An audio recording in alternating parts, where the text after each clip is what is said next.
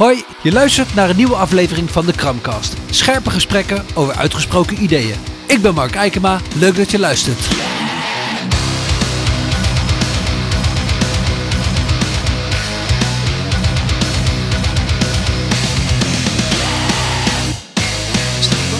Nou, te gek.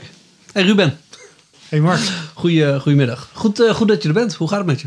Ja, ja eh, het gaat, eh, gaat prima. Dit hadden we een. eh, we zijn net tegen elkaar een dikke jaar geleden afgesproken. Ja, ik denk het wel, ja, op het terrasje hier zo in Stadhagen. Ja, toen het, de zondag lekker scheen en dat soort dingen.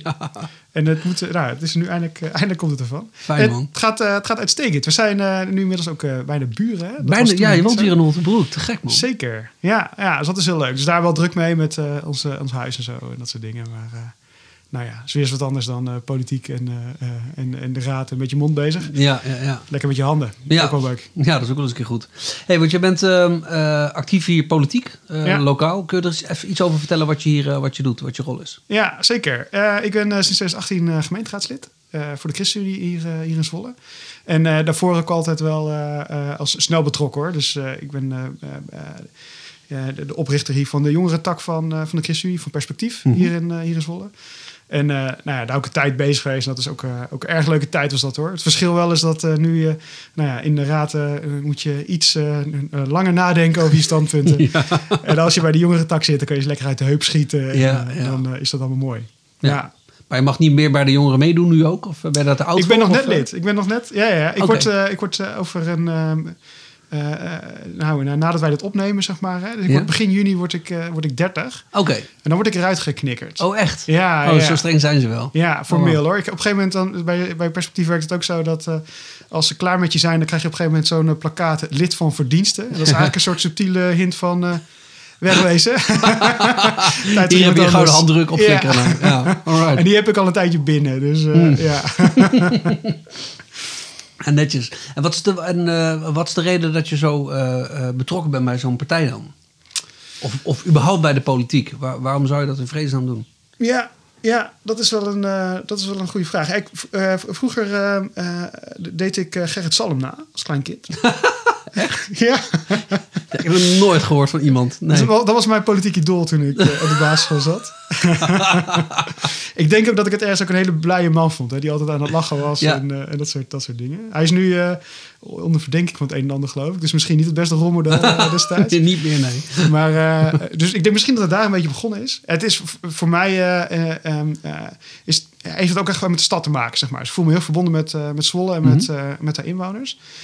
Eh, eh, en met eh, nou ja, al die, nee, nou, die, die nou, de issues, de, de vragen waar mensen mee zitten, zeg maar. Ja. En voor mij is politiek dan een hele toffe manier om ook bezig te gaan met, nou ja, waar ik denk dat ik goed in ben en hoe ik een bijdrage kan leveren. Maar het is voor mij niet automatisch van, goh, als ik, ik in Amersfoort had gewoond, dat ik dan hetzelfde had gedaan, zeg maar. Nee, oké. Dus het komt ook echt voort uit een soort hart voor Zwolle, zeg maar. Ja. En Heb, heb je altijd in Zwolle gewoond? Of ben je import? Of, eh? Nee, eh, een soort van. Ik kom uit de regio. Mhm. Eh, en eh, eh, wel altijd, eh, nou ja, Zwolle is wel een beetje de stad eh, in de buurt. Ja. Dus we gingen er wel natuurlijk. Op ba basisschoolkamp hadden we ook een eh, aantal oud-leerlingen die voetbalden toen inmiddels bij PEC Zwolle. Oh ja. Dus die gingen dan met ons mee op dat kamp. Dat vonden wij natuurlijk helemaal fantastisch. Dus dan Ja. ben je een soort halve, halve Zwollenaar al. En eh, ik ben hier in 2009 of zo eh, eh, naar het Landsteden gegaan, naar het MBO. Oh ja. eh, dat de HAVO mislukt was. Mhm. Dus dat was een beetje mijn eerste, eh, nou ja, echt persoonlijke eh, ervaring met, eh, met Zwolle. ja. En in de tussentijd wel in Amsterdam gezeten en dat soort dingen. Maar Zwolle is toch altijd wel gewoon een beetje... Ja, joh, iedereen... Wat moet je ieder- daar nou? Oh joh, iedereen heeft een bekering nodig. Dus eh, Ja, fouten maken allemaal. Maar wat bracht je in Amsterdam dan? Eh, eh, eh, mijn studie. Dus, Oh, oké. Ja, ik heb na het mbo hier in Zwolle één jaartje op de CE gezeten. Ik zeg verkeerd. Is een tussenjaar op de EVG's Hogeschool gedaan. Daarna Ja. gaat vrijwel iedereen naar de, naar de CAE. In Ede, toch? Ja, in Ede inderdaad. Maatschappelijk werk. Eh, en eh, dat, vond ik op, dat vond ik wel aardig. Ik heb toen bij Youth Christ stage gelopen. Dat vond ik echt een toffe club. Oké. Dus uh, pannenkooi voetballen, dat soort dingen. Ja, ja. En toen dacht ik, ja, ik moet iets met, iets met nou ja, ik zag toen ook wat geloof kon doen in, in het leven van jongeren. Mhm. Daar wilde ik mee verder. En toen ben ik theologie gaan studeren. Oh, tof. Ja, ja. En Aan eh, de UvA me- dan, denk ik? Of? Nee, aan de VU. Oh, VU. Ja. Oh, dat bedoel ik. Ja, Ja. check. Ja, ja UvA kon ook, geloof ik. Maar, nee, dus, dus dat... eh, eh, eh, en dat is een beetje uit de hand gelopen daar. Want, ja. Hoe ik kan een dacht, theologiestudie uit de hand lopen? nou, dat gaat dus makkelijker dan je denkt. Oké, nou, ik ben heel benieuwd. Nou, ik, ik, eh, eh, eh, ehm, voor mij werd theologie ook steeds meer iets van buiten de kerk. Dus eh, dat het ook vooral gaat over, eh, eh, over maatschappelijke vragen, over juist de relevantie van geloof in de samenleving. Mhm. En dat heeft mij er eigenlijk ook voor gezorgd, bij mij ervoor gezorgd dat ik, nu- nou ja, ik heb drie weken de predikantsmaster gedaan. En eh, eh, toen gedacht, nou, dit is niet mijn plek. Ik ga wat anders doen. Eh, en uiteindelijk ben ik afgestudeerd wel met een onderzoeksmaster theologie. Maar ook als jurist en bedrijfskundige. Oké, Omdat ik daar eigenlijk veel meer van die idealen en van nou ja, de inzicht uit de theologie echt kwijt kon. ja. En voor mij is de, eh, is de pastorie dan gewoon echt niet de plek, zeg maar. Nee, nee, oké. Maar heb, doe, doe je dat er dan naast of zo? Want ik kan me voorstellen, een theologie op studie is vier jaar, HBO, denk ik. Of universiteit, wat, wat ja, het bachelor was drie jaar en de master was twee jaar. Dus ik heb dat al gecombineerd. Kijk, de VU is ook zo'n eh, zo'n gigantisch gebouw. Met Mhm. eh 16 verdiepingen of zo. Dus dat wil zeggen dat eh, waar je in Groningen de hele stad moet doorfietsen van de ene faculteit naar de ander, kon, je, hier, kon ik hier gewoon twee trappen op. En dan was ik nou ja, van de theologiewereld naar de rechtenwereld. zeg Ja, maar. ja, oké. Dus dat was wel redelijk goed te combineren. Ja, En eh, nou ja, wat, heb je tegenwoordig? Zes uur college in de week of zo? ik heb geen idee. Ik heb, Ja, ik heb nooit, nooit een echte studie gedaan, de kunstacademie. Dus dat, eh, Ah, ja, Nee. ja, nee, ja dat, is ook, ja, dat is gewoon een beetje hoe het universitair onderwijs dan tegenwoordig werkt of zo. Ja. Hè? Dus kun je zeggen, ja, echte studie. Maar ik vond het HBO vond ik eigenlijk dat ene jaar vond ik pittiger mhm. qua eh, studiedruk en, eh, en dat soort dingen dan, eh, dan op, op, het- op de universiteit twee masters naast elkaar. Zeg maar. Oké, oh, dat is ook wel opvallend. ja. Ja, grappig hoe dat werkt. Ja, Ja, daar vinden ja. we iets van. Maar goed, maar heb je toen ook in Amsterdam gewoond of was je lekker aan het pendelen? Ja, was aan, aan het pendelen. Oké. Ja, ja. Vanuit eh Bennekom of all places trouwens. Ja, goed verhaal dit. Ja. Hoe Ik- dan? Ja, ik, we konden daar met vijf vrienden een huis krijgen. Oh, wauw. En eh, vrienden van, eh, vanuit Emmeloord, waar ik opgegroeid ben. Ja, Ehm, en dat was natuurlijk een dikke buitenkans. ja. Dus eh, wij hebben daar, Bennekom best wel grappig plaatjes, net, net onder Ede, zeg maar. En, Ja. eh, je kunt vrij makkelijk naar Amsterdam komen. Maar we hadden dus denk ik het goedkoopste huis van heel, van heel Bennekom. Want voor de rest wonen daar allemaal van die Wageningse professoren en zo. Ja, ja, tuurlijk. Dus dat is wel mooi. Ja. Fantastisch. Maar nou, toch in 2009 hier in Zwolle gekomen dus. Eh, ja, voor, nou, voor de studie. En tussendoor dus nog weg geweest. En eh, in 2013 ben ik hier voor het echt weer, eh, Oh, oké. eh, weer echt teruggekomen, zeg maar. Ja, Ja. nice. En wat spreekt je zo aan in Zwolle dan? Wat, wat maakt Zwolle anders dan Amsterdam, Kampen, Bennekom? ja, noem je per plaatsen. Ja, Ja, Teheran. ja zo. Veiliger. Ehm, nou, Dat betwijfel ik. Je zit hier in Holtenbroek, hè? Dus dat... Ja, ja. nou, dat is trouwens zeker. Er is een boel gebeurd in Otterbroek. Ja. Ehm, maar eh, in, in de raad gaat het toch zeker ook over Stadshagen de laatste tijd. Dat is ook interessant. Ja. Ja. Eh, ehm, eh, dus dat wil ook maar zeggen dat, ehm, dat nou ja, sociale problematiek en ook veiligheid is echt niet beperkt tot de wijken waar je het van, van je het verwacht. En zeker, nou ja, misschien kunnen we het zo nog even over hebben, maar een wijk als Stadshagen, dat is een beetje zo'n Phoenix-wijk. ja. Ehm, eh, waar veel eh tweeverdieners met top eh, hypotheken, zeg maar, hè, dus, dus het maximale van wat ze hebben, proberen het allemaal levend uh, rooiend te houden. Dat Ja. is vaak voor jongeren best een ingewikkelde situatie om op te groeien. ja. En dan zie je dus nu dat in die Finex, waar dan nu de, de, de eerste nou ja, tieners, zeg maar, dus kinderen die daar geboren zijn, die nu de, eh, nou ja, echte pubers zijn of begin twintig, zeg maar, Mhm. dat, dat, dat daar dan ehm, eh, nou ja, ook wel veel nou, zorgen om zijn, zeg ik dan maar Oké. eventjes. Oh, Ja, dat ja. is interessant. Ja, het is ook echt gewoon bedenkt met. eh, ook, eh, ehm, en wat je dus in Otterbroek heel erg ziet, is dat mensen veel meer met elkaar verbonden zijn. Mhm. En dat ontbreekt heel erg in zo'n zo'n Phoenixwijk. Ja. Dus kinderen kunnen daar redelijk anoniem over straat. Eh, terwijl dat, ik, nou, een tijdje terug was ik hier met een, eh, een eh, straatwerker op pad. Ja, en die kent gewoon vrijwel alle kinderen die ze ziet. Ja. Eh, en die, eh, die houdt het ook in de gaten. Die denkt, goh, wat is die nou aan het doen? Ja. En dat is een vorm van sociale controle die, die ergens ook nou, ja, heel goed is voor kinderen. Maar die in dat soort wijken dan, eh, dan ontbreekt. Wow. Maar dat was je vraag niet. Nee, precies. Ik het een zijlijntje, maar wel interessant, hè? Ja. Ja, ja. Nee, dus wat, ehm, eh, eh, wat, wat ik leuk vind aan Zwolle is dat het eh, een stad is waar je op straat nog allerlei mensen tegen kunt komen die je kent. Mhm. Eh, wij zijn elkaar ook wel eens tegengekomen. Ja. Gewoon, eh, gewoon zomaar. eh, en dat, eh, dat lukt je dan in grotere steden toch wat minder. En tegelijkertijd, eh, ja, ik, ik, eh, ik, ik werk in, in, eh, in, in Den Haag. Eh, ik pak hier een trein en ik, eh, ik zit zonder over te stappen, kan ik daar eh, vrij snel komen. Zeg maar. Ja. Dus het is wat dat betreft ook wel uit alle voordelen van een grote stad. Ja. En eh ja, Pek Zwolle is natuurlijk ook gewoon leuk. Ja, ben je een beetje fanboy? Ja, weet je wel. Ja, naar het stadion? Eh, Ja, nou, nu niet, maar, ja, hè, maar de ehm, laatste, re- als het even kan, dan eh, vind ik dat wel lachen. Om, Oh, te eh, gek. Ja, zeker. Zo'n plastic glas bier en eh, eh, op die tribune. ja, scheids een beetje eh, toespreken. Ja, dat, dat is wel echt heel tof. Ja, nice. Ja, neem even een slok van je koffie, want eh, je staat er een beetje, kou, beetje ja. koud te lullen. Dat is, eh, dat, dat is een beetje zonde. Maar je zegt dat je in Den Haag werkt. Ehm, wa- wat, wat, wat brengt je dan in Den Haag? Want dat is best een eind weg. Of heeft dat ook iets politieks? Ja, ehm, ik werk dan voor het ministerie van Economische Zaken Mhm. aan eh, klimaatbeleid. Kli- duurzaamheid, klimaat heeft echt mijn hart. Ja, oké. Ehm, en eh, ik heb een eh, hele tijd, eh, of een heel aantal jaar bij een adviesbureau gewerkt. Op allemaal interim klussen. Ook altijd in de energiesector, zeg Mhm. maar. En telkens een beetje tegenaan gelopen van, goh maar, weet je, de echte keuzes. Veel keuzes, echt belangrijke, waar echt gestuurd kan worden. Dat is toch, toch, toch in Den Haag, toch op dat ministerie. ja. Die, die komen met wetten, die, kunnen, die hebben vaak veel diepere zakken dan... die hebben gewoon ja, middelen om subsidies en wat, voor, wat, voor, Ja. wat je ook zou willen, zeg maar. ja. Toen dacht ik, ja, weet je, als ik er iets mee wil, als ik daar zelf ook van betekenis wil zijn en veel wil leren, dan dat de plek waar ik moet zijn. ja. Eh, dus toen heb ik eh, een of andere topambtenaar een mailtje gestuurd van, joh, eh, ik wil ooit jouw baan wel, mag ik een keer een dag meelopen? ik wil jouw baan wel. Wauw. en dat vond hij superleuk, dus dat mocht. Ja? Dus, Oh, nice. Dat was, dat was wel leuk. Ja. Ja. En daarna gesolliciteerd op een normale functie hoor, dus dat is niet allemaal baantjes carousel of wat. Maar ik wist wel zeker, dat is de plek waar ik wil werken. hè? Ja. Oh, dat is wel tof. Ja. Ja. Dus maar je, daar, je blijft hier wel vanuit Zwolle werken? Of Zeker. precies, ik wil die kant op verhuizen? Nee, nee, nee. nee, we gaan, nee, dat ga ik niet doen. Nee, dat vind ik veel te leuk. En nu, eh, nou ja, met dat eh hybride thuiswerken en zo, dan eh, kan het ook prima. Dat zal daar ook wel veel meer gaan gebeuren. hè? Tom van Kampen, die, die ik ook ooit Ja. hier voor de microfoon had trouwens. Die, die doet Reis je toevallig wel eens samen die kant op? Of valt dat nog mee?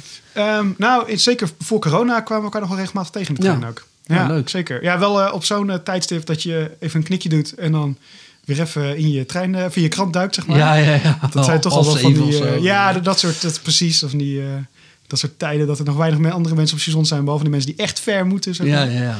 Maar dat, ja, dat klopt. Nou, tof.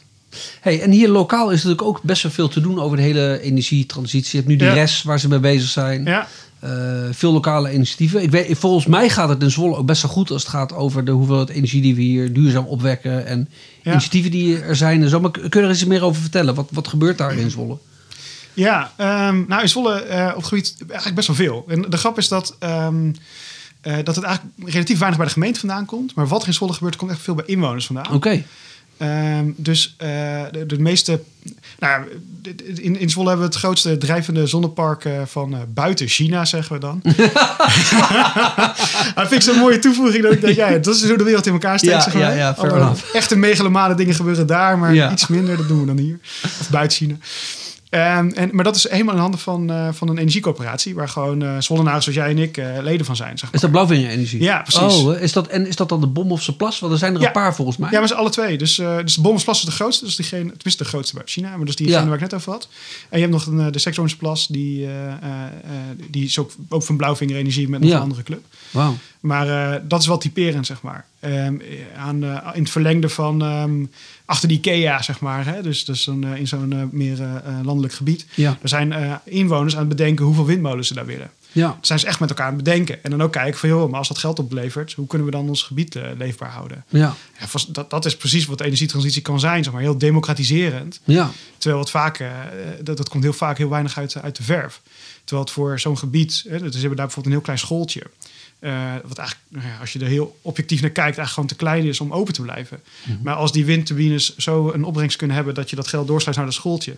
En dat dat schooltje open blijft. Wat super belangrijk is voor de leefbaarheid van zo'n gebied en of jonge gezinnen daar kunnen wonen. Ja. Ja, volgens mij, eh, dat is de energietransitie zoals je hem wil zien. Oh, tof. Ja, Ja. dat is wel wat, wat in Zwolle, denk ik, eh, wat, wat aan de gang is. Kijk, wat spannend wordt zo dadelijk, is... We hebben het nu het afgelopen jaar heel veel over de opwek gehad. Dus over windmolens en over zonneparken en dat soort dingen. Maar de, de energietransitie gaat ook over gebruik. Dus Ja. zo dadelijk, hè, het ging over niet in mijn achtertuin. Maar dat wordt zo meteen niet achter mijn voordeur. Ja. En dan gaat het over, eh, goh, maar hoe kunnen we die woningen energiezuiniger krijgen? Ja. Of eh, hoe kunnen we dat hebben? Kunnen, kunnen, we, kunnen we het hebben over je vervoer? Of kunnen we het hebben over, nou ja, nog spannender, wat je eet? Ja. Oh ja. Eh, ja. Ja. Dan Ja. is het dat die achtertuin is dan ineens heel ver weg, hè? Ja. Als je het over dat soort dingen hebt. Nee, dat, dat, dat klopt. Dan is, dan is eh, inderdaad, eh, dat, dat, dat vraagstuk staat bij mij een windmolen in de buurt. Ik, het, het, tweeten van de week toevallig reageerde ik op een, op, op een tweet van Caroline van der Plas, of Caroline moet je Caroline, zeggen. ja. Over iets dat er eigenlijk maar heel weinig landbouwgrond in de wereld zou zijn, maar 3% of zo. En dan tweette Ja. ze achteraan van, joh, er wordt nog een uitdaging als ze allemaal plantaardig moeten eten. Toen dacht ik ook, oh my je weet toch wel wat gros van die soja heen gaat, bijvoorbeeld. Ja, precies. Nou, dan kwam inderdaad een hele discussie. En iemand reageerde inderdaad Ik en velen met mij zullen nooit laten gebeuren een vlees hoort. En ik ben echt actief mijn nevens en nichtjes aan het aanzetten tot het eten van vlees. Toen dacht ik, wauw, dit is gewoon, dit, hier schreeuwt religie in mijn gezicht. of ja. ideologie, zo. Fundamentalisme. Ja, gewoon echt bizar. Dat ik denk, joh, Ja. Je, kan, je kan best wel zeggen, joh, ik blijf lekker vlees eten of zo. Dat kun je best wel gewoon tegen me zeggen. Dat vind ik prima. Ja. Maar dat iemand gelijk begint te schreeuwen alsof ik hem of haar aanval op een soort heel fundamenteel ding. Toen dacht Ja. ik, oeh, Ja, dit is interessant. Dit doet mensen pijn. Oh, gaaf.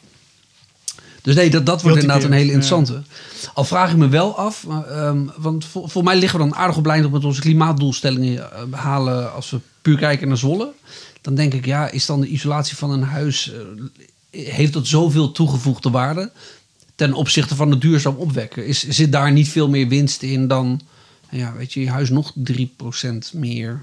Ja. Weet ik niet hoor, dat Ja, nee, niet mijne. dat, dat zou natuurlijk kunnen. Kijk, ehm, wat je vooral ziet is dat het, het, eh, het aanpakken van woningen is veel complexer. Mhm. En dat is ook logisch, hè? want als, als, eh, als je in een woning woont, dan denk je, ja, weet je, ik wacht even tot ik toch iets ga doen aan, nou ja, noem eens wat, vloer, eh, iets met mijn keuken of zo. Of tot de woningcorporatie zegt, eh goh, we gaan iets aanpakken, Mhm. zeg maar.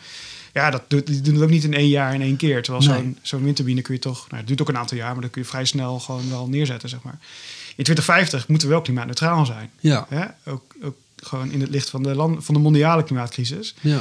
En als je in 2050 eh, dit voor elkaar wil hebben, dan hebben we op zich, nou ja, ik, ik word zelf bijna 30, maar nog maar 30 jaar. Ja, Ehm, eh, en dat is, dat, is, dat is niet eens gek lang.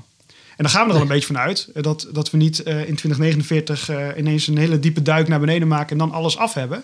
Maar dat we ook al een beetje al CO2 aan het reduceren zijn onderweg naar 2050. ja. Eh, als we pas eh, op het laatste moment eh, een volle deep, deep dive inzetten in die grafieken van uitstoot, zeg maar. Ja, dan moeten we dus eigenlijk in 2045 of 2043 al klimaatneutraal zijn. Ja. Dus we hebben ook een soort afbouw al nodig. Ja, En het is dus heel complex. Dus het is ook gewoon iets waar je wel de tijd voor moet nemen. ja. Tegelijk is het natuurlijk wel zo. ehm, eh, de grootste slag sla je op korte termijn in Nederland in de industrie en in de landbouw. ja. Nou, dat zijn alle twee dingen die Zwolle niet zo idioot veel heeft. Eh, we, hebben, we hebben wel Ja. grote bedrijfsterreinen, maar dus meer logistiek. Dus niet die hele zware industrie, zeg maar. Ja, precies. In e-commerce en dat soort dingen hebben, zijn we wel Ja. veel mee bezig. Maar ja, we hebben hier geen steenkolenmijnen, zeg maar. Nee, precies. Of, of eh, grote staalfabrieken. Nee. Of eh, de, de, de productie van kunstmest. Nederland we zijn een van de grootste kunstmestexporteurs van de wereld. Tja, Wist ik ook niet. nee. Maar, maar dat, soort, dat soort dingen. Nou, in, de- in de Zwolle hebben we dat niet zoveel. En ondertussen wil je wel gewoon zorgen dat, dat je 2050 op een normale manier kunt... en dat mensen het ook gewoon mee kunnen maken. Ja, kun je beter eh, nou, niet treuzelen, maar eh, gestaag doorwerken. ja. Wat, wat, vanuit zo'n gemeenteraad, want daar ben je dan betrokken. Wat, kun je vanuit zo'n gemeenteraad en in de rol die jij daar hebt nou eh, concreet voor elkaar krijgen? Want je zegt er gebeurt veel bij, eh, bij individuen, of particulieren of bedrijven misschien. Eh, hoe speelt de gemeenteraad daar dan nog een rol in? Ja, dat is wel grappig. Ja, het gaat echt, ehm, eh, in, de- in, de, Raad van Zwolle gaat het echt ontzettend veel over, eh, eh, over de energietransitie. En eh, het is altijd een beetje zoeken, want je bent altijd afhankelijk van, eh, eigenlijk dus van, van, van burgers, van bedrijven, van corporaties die, die initiatieven nemen. Ja, Maar ik vind dan wel dat, eh, eh, dat, dat de gemeente dat eigenlijk allemaal echt mogelijk moet maken. Ehm, eh, als, en, en, en zorgt dat het ook op een rechtvaardige en op een eerlijke manier gebeurt. ja. Ehm, eh, in, eh, in, een, ehm, eh, in, ehm, eh, in Stadshagen heb je in een wijk zit een, ligt een warmtenet met een biomassacentrale. Oh, ja. Ja, om Ja. eens wat te noemen. En, dan- en dan en dan los van dat waar dat ding op brandt, is het in die wijk, zit daar, er zitten vier, 300 woningen, zeg ik even uit mijn hoofd. En van die 300 woningen, daar wonen 20 mensen die ja, jaarlijks of meer dan 10% van hun inkomen kwijt zijn aan energie. Wow. Dat, dat, dat noem je energiearmoede. Dat is gewoon niet. Dat zijn mensen, als ze, als ze, als ze, als ze een tegenvaller hebben, dan draaien ze dus de verwarming naar beneden. Ja, Zitten ze in de kou. ja. Ja, dat zijn precies de dingen waar, waarvan ik denk, ja, daar hoort een, een, een gemeente, die, staat, die, zit, die zitten dichtop. Wij weten waar die gezinnen wonen. Ja. Ik persoonlijk als raadslid natuurlijk niet, maar de ambtenaren kunnen dat weten, zeg maar. Ja. Hè?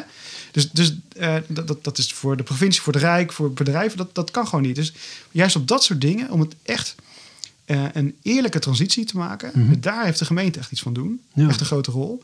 Want zoals we nu, en dan zeg maar even, hè, zoals we nu voorgesorteerd staan, wordt, worden de sociaal-economische verschillen wordt denk ik groter Oké. door de energietransitie. En dat moet echt bijgestuurd. Ja, ik vind dat daar een gemeente in dit voorbeeld, Mhm. er zijn een legio te bedenken, echt een, echt een rol heeft. En wat, wat, wat zou je kunnen doen? Nou, ehm, eh, als gemeente hebben we natuurlijk ook in de termen van, van eh, armoede, eh, dienstverlening en eh, eh, eh, eh, hebben we eh, eh, eh, taken. En wat je bijvoorbeeld zou kunnen zeggen, maar dat, dat is me eigenlijk. Ik, ik heb hier een aantal gesprekken over gehad met mensen die bijvoorbeeld schuldhulpmaatjes zijn. Dus Mhm. die, die naast mensen staan die, die in de schulden zitten. En die zeggen eigenlijk allemaal: ja, ten eerste, eh, je kunt dit niet alleen aanpakken door alleen naar de energierekening te kijken. Nee. Dus dat ten eerste. Dus eigenlijk wat je dan vooral moet doen, is eh, zorgen dat clubs als schuldhulpmaatje hun werk kunnen doen. Maar bijvoorbeeld ook dat eh, schulden, eh, wanneer ze te, te heftig, te veel zijn, zeg maar, maar ook te veel verschillende partijen, dat je echt ziet, ja, weet je, dit wordt echt problematisch, zeker ook voor, eh, voor jongeren, dat je eh, als gemeente zegt, nou, ja, wij kunnen daar, eh dit ligt dat we ze over kunnen nemen. Ja. Hè, dat, in Amsterdam heb je zo'n eh, zo'n eh, project. Ja. Dat eh, de gemeente dan, die, dat, dat ze niet te maken hebben met één partij. En dat die, die, die gemeente zegt, wel, nou weet je wat, eerst even rustig. We gaan even kijken hoe je het boeltje op orde kan maken. In plaats van maandelijks een herinnering en Ja. weer iemand aan de deur. blijft stapelen. En, eh, Ja, dat je het ene, ene gat met het andere probeert te dekken en, eh, en dat soort dingen. ja. Dus dat, dat, is, dat, is, dat is één, maar dat gaat veel meer over, over brede armoede. En aan de andere kant ehm, eh, kunnen wij wel met vergunningverlening bijvoorbeeld zeggen... wij geven nu ruimte voor een zonnepark... waarvan de opbrengsten gestort worden in een fonds zodat mensen die te maken hebben met energiearmoede, hè, dus die meer dan 10% van hun, Mhm. eh, dat we die compenseren. Of wat we in ieder geval goedkopere elektriciteit en goedkoper, eh, nou ja, gas wellicht nog wel een hele tijd. Maar Ja. dat we die, eh, dat die daarmee helpen, zodat die het ook mee kunnen maken. Oh, te gek. Ja. Ja. Of helpen met isoleren van hun woning of wat ook. Ja, ja ik weet jouw jou, ja, indirect collega Don Seder in Amsterdam is veel bezig geweest. In ieder geval met schuldenproblematiek en hoe dat stapelt. En heeft dat nogal hard gemaakt door dat in ieder geval wat dat betreft rechtvaardiger te maken. Want je ziet dat mensen inderdaad met een, weet je, een keer een- een 450 euro ergens niet kunnen betalen. Weet je, als mij dat overkomt, ik heb inmiddels een aardige baan, dus dan, weet je, dan, daar vind je dan wel een uitweg Ja. in. Ja, als, je- weet je, als je, als je 50 euro boodschap hebt per week en dan moet opeens 450 euro vanaf, dan ben je gewoon de lul. Weet je, en dan is aanmaning op aanmaning plus rente. En, en dat wordt gewoon tienduizenden euro's kunnen dat worden. Ja, het, Ja. Is, het is echt waardeloos. Ja. Echt een schandalige, schandalige markt zou je haast zeggen van wat er met de schulden Ja, gebeurt. zeker. En dat is echt niet oké. industrie. Ja. Ja. Ja. Nee, kwalijk. Is het ook zo, want dat, meen ik me te herinneren, dat, dat het eigenlijk helemaal niet zo goed gaat met die biomassa-centrale in Stadshagen? Veel overlast, dat hij het vaak Ja. niet doet, toestanden. Ja, ja, dat klopt. Ehm, eh, dus er zijn best wel een aantal storingen geweest. Juist in die periode dat, dat het eh, heel koud was. Hè? Dus Mhm. we hadden toen eh, in februari, meen ik, en ergens in december of zo, afgelopen, afgelopen jaar, dat we echt dikke pakken sneeuw hadden en dat het Ja. super koud was. En precies toen deed dat ding het niet. Hmm. Ja, dat is natuurlijk ellende. Ja. Ehm, eh, en, maar goed, het is ook een, een pak vrij duur uit. Ook voor, eh, voor heel veel eh, eh, eh, inwoners van, eh, van die wijk. Ja. Ehm, dat is ook wel interessant. Want eigenlijk heb je daar een soort eh, vraag over. ehm, eh, hebben we nu genoeg, heeft de overheid genoeg middelen in de handen om te sturen op dat soort partijen? Want het zijn eh, de aanbieders, dat zijn eh, ge- eh, gewoon private bedrijven. Ja. Eh, en die zijn eigenlijk monopolist. Eh, want je kunt geen kant, eh, kunt geen kant op. Nee. Eh, je hebt, eh, er ligt geen gasleiding in de grond. En eh, als je af wil sluiten, moet je, moet je behoorlijk betalen. Ja. Nou ja, op zich, ehm, eh, de bus, eh, het busvervoer is ook een monopolist. Ja. Dus je kunt het best goed regelen. Ehm, eh, en zo zijn er, de, de NS is eigenlijk ook nou, grotendeels... Dus als je dat goed reguleert, maar dan, dan, dan kan dat. Maar dat is op dit moment... nou ja, moet- ze moeten daar nog wel stappen in gezet worden. Een zeg maar. uitdaging, Ja, zeker. Ja. Nou, als je het hebt over de bus, dat was hier in Holtenbroek natuurlijk ook nog een Ja. tijdje een issue. Dat opeens een, eh, een paar bushaltes bij die grote flats hier zo wegvielen. Ja. Er is ook nog een hoop gedoe over geweest. Ik geloof dat, u, dat ze inmiddels ook alweer terugkomen. Ja, zeker. Ja. Ja, daar is een tijdelijke oplossing voor gevonden, inderdaad. Eh, en eh, eh, dus, dus, dus dat is ook wel de inspanning, dat is ook weer eigenlijk een beetje voorbeeld van net. Dat is ook de, echt wel de gevolg van de inspanning van, eh van Zollenaren zelf. Ja. Dus die hebben zelf ook met een alternatief, aan een alternatief plan gewerkt en met voorstellen zijn gekomen. En een tijdje terug heb ik met het actiecomité gesproken. Ja, echt super betrokken mensen die Ja, dat vooral ook voor hun wijk doen. En dat, dat is gewoon, gewoon ontzettend gaaf. Ja. Ehm, en dat is ook weer. eh, ehm, dan, en dan vind ik het ook weer hoopgevend dat dat dan ook lukt, zeg maar. Hè? Dat het systeem dus ook blijkbaar toch niet zo rigide is dat, er, dat, dat, dat, dat, eh, dat bijsturing toch mogelijk is. Ja. Dat als eh, inwoners aan de bel trekken, dat er toch iets veranderd kan worden. Ja. Ja, dat stelt me dan wel gerust. Ja. Ja, dat klinkt wel goed. Eigenlijk klink je nu een beetje als een VVD'er. Ik dacht dat we aardig gingen blijven hier. Maar, en, en toch zit je bij de ChristenUnie. Want je- klinkt vrij liberaal, zeg maar. In, een aan- in ieder geval in een aantal opzichten. En ik denk dat ik, dat ik op heel veel punten denk... ja, volgens mij staan we heel best wel hetzelfde in de wedstrijd. En ik zit dan bij de VVD. Mhm. En eh, jij bent de ChristenUnie. En de ChristenUnie is natuurlijk, de naam zegt het al... een uitgesproken eh, eh, christelijke partij. Wat ik ook sympathiek vind overigens ten opzichte van de CDA. Want CDA is natuurlijk best wel... Er zit bijvoorbeeld ook, ik geloof, een islamitische dame. Ik weet niet of ze in de Kamer zit, maar in ieder geval op de lijst. Eh, waar ik overigens geen enkel probleem mee heb. Laat Mhm. dat even gezegd zijn. Ehm, maar daar hoorde niet zoveel over. Terwijl een ChristenUnie gewoon nog rustig durft te zeggen... joh, we hebben dan een andere gebedsavond... of een of ander concert Ja, met de precies. CDA. Ik, vind- ik vind, ik vind Ja. dat ergens wel tof. Eh, ook omdat ik het snap, zeg maar. Maar wat is voor jou de reden dat je zegt... joh, ik, ik zit specifiek bij de ChristenUnie... en niet bij een andere partij? Ehm, dat heeft voor mij ook wel echt wat te maken met eh, eh, de, de, de visie op de samenleving wel. Mhm. En ehm, eh, ook dat ehm, eh, voor mij heeft het ook te maken met mijn eigen idealen. Dus wat ik, wa- waarom, ik in de politiek zit. En misschien even bij dat, dat tweede te beginnen. Kijk, ehm, eh, een, van mijn, nou ja, de dingen waar ik me meest druk over maak, dat is, dat is klimaat en dat is die, die, die duurzaamheid. Ja. En ehm, dat, dat, dat komt omdat ik in nou, ja, ergens in 2008 of zo ben ik via- met Kerk en Actie naar Bangladesh geweest.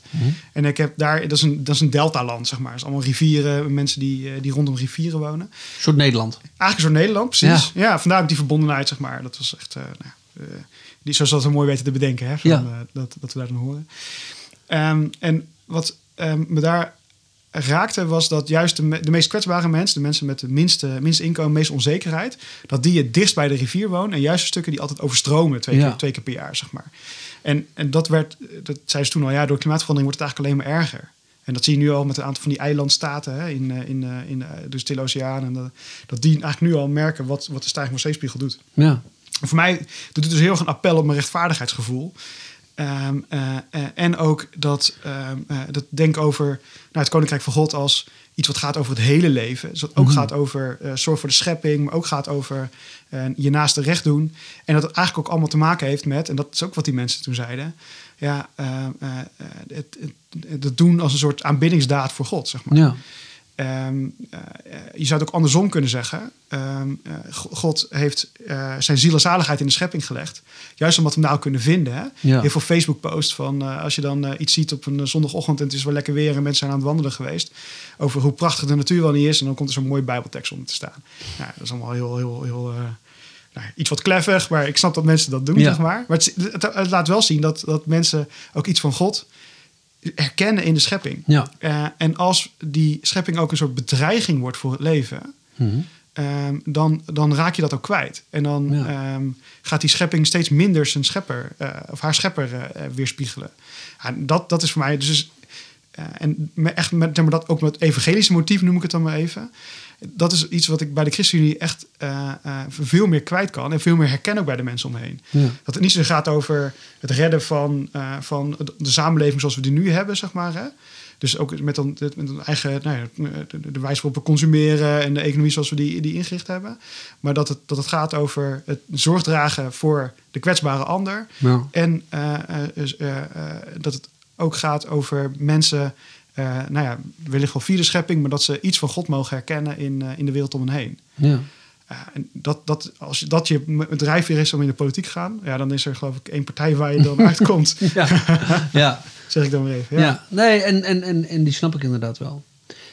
Er zijn er dan ook dingen bij de ChristenUnie waarvan je zegt van joh, ik, ik sta misschien theologisch heel op hun lijn, maar bepaalde stukken waarvan je zegt, ja, daar voel ik me minder mee eh, verwant. Hoe ze economie bedrijven, of hoe ze kijken naar zorg of onderwijs, of eh, zeg het maar. Ja, dat is ook. ehm, eh, dat is wel een leuke vraag. Ik, ik, zou, ik zeg ook vaak, ja, een jaar of tien geleden. ho- Hoewel je daar op moet passen, want voor het, zelf- voor het weten word je zelf ook een stuk ouder. Hè? Ja, Maar eh, was ik niet zo heel snel lid geworden van de ChristenUnie. oké. En eh, dus ik zie de laatste jaren wel steeds meer een open houding. Dat is ook wat we in Zwolle proberen te zijn. We zijn niet een partij hier, een, eh, een fractie in Zwolle, voor alleen maar de christelijke achterban. Mhm. Maar we willen het echt verbindend voor de hele stad zijn. Ik denk ook, hè, we halen hier best wel, eh, best wel veel zetels. Ja, Dat, dat echt wel twee, twee van die zetels, dat dat niet christelijke stemmers zijn. oké. En dat heeft ook gewoon... Van de zeven of zo is dat dan? Ja. Of, ja oké. Ja, precies. Grofweg hoor. Het kan ook anderhalf, maar een beetje in die orde Ja. grootte, zeg maar.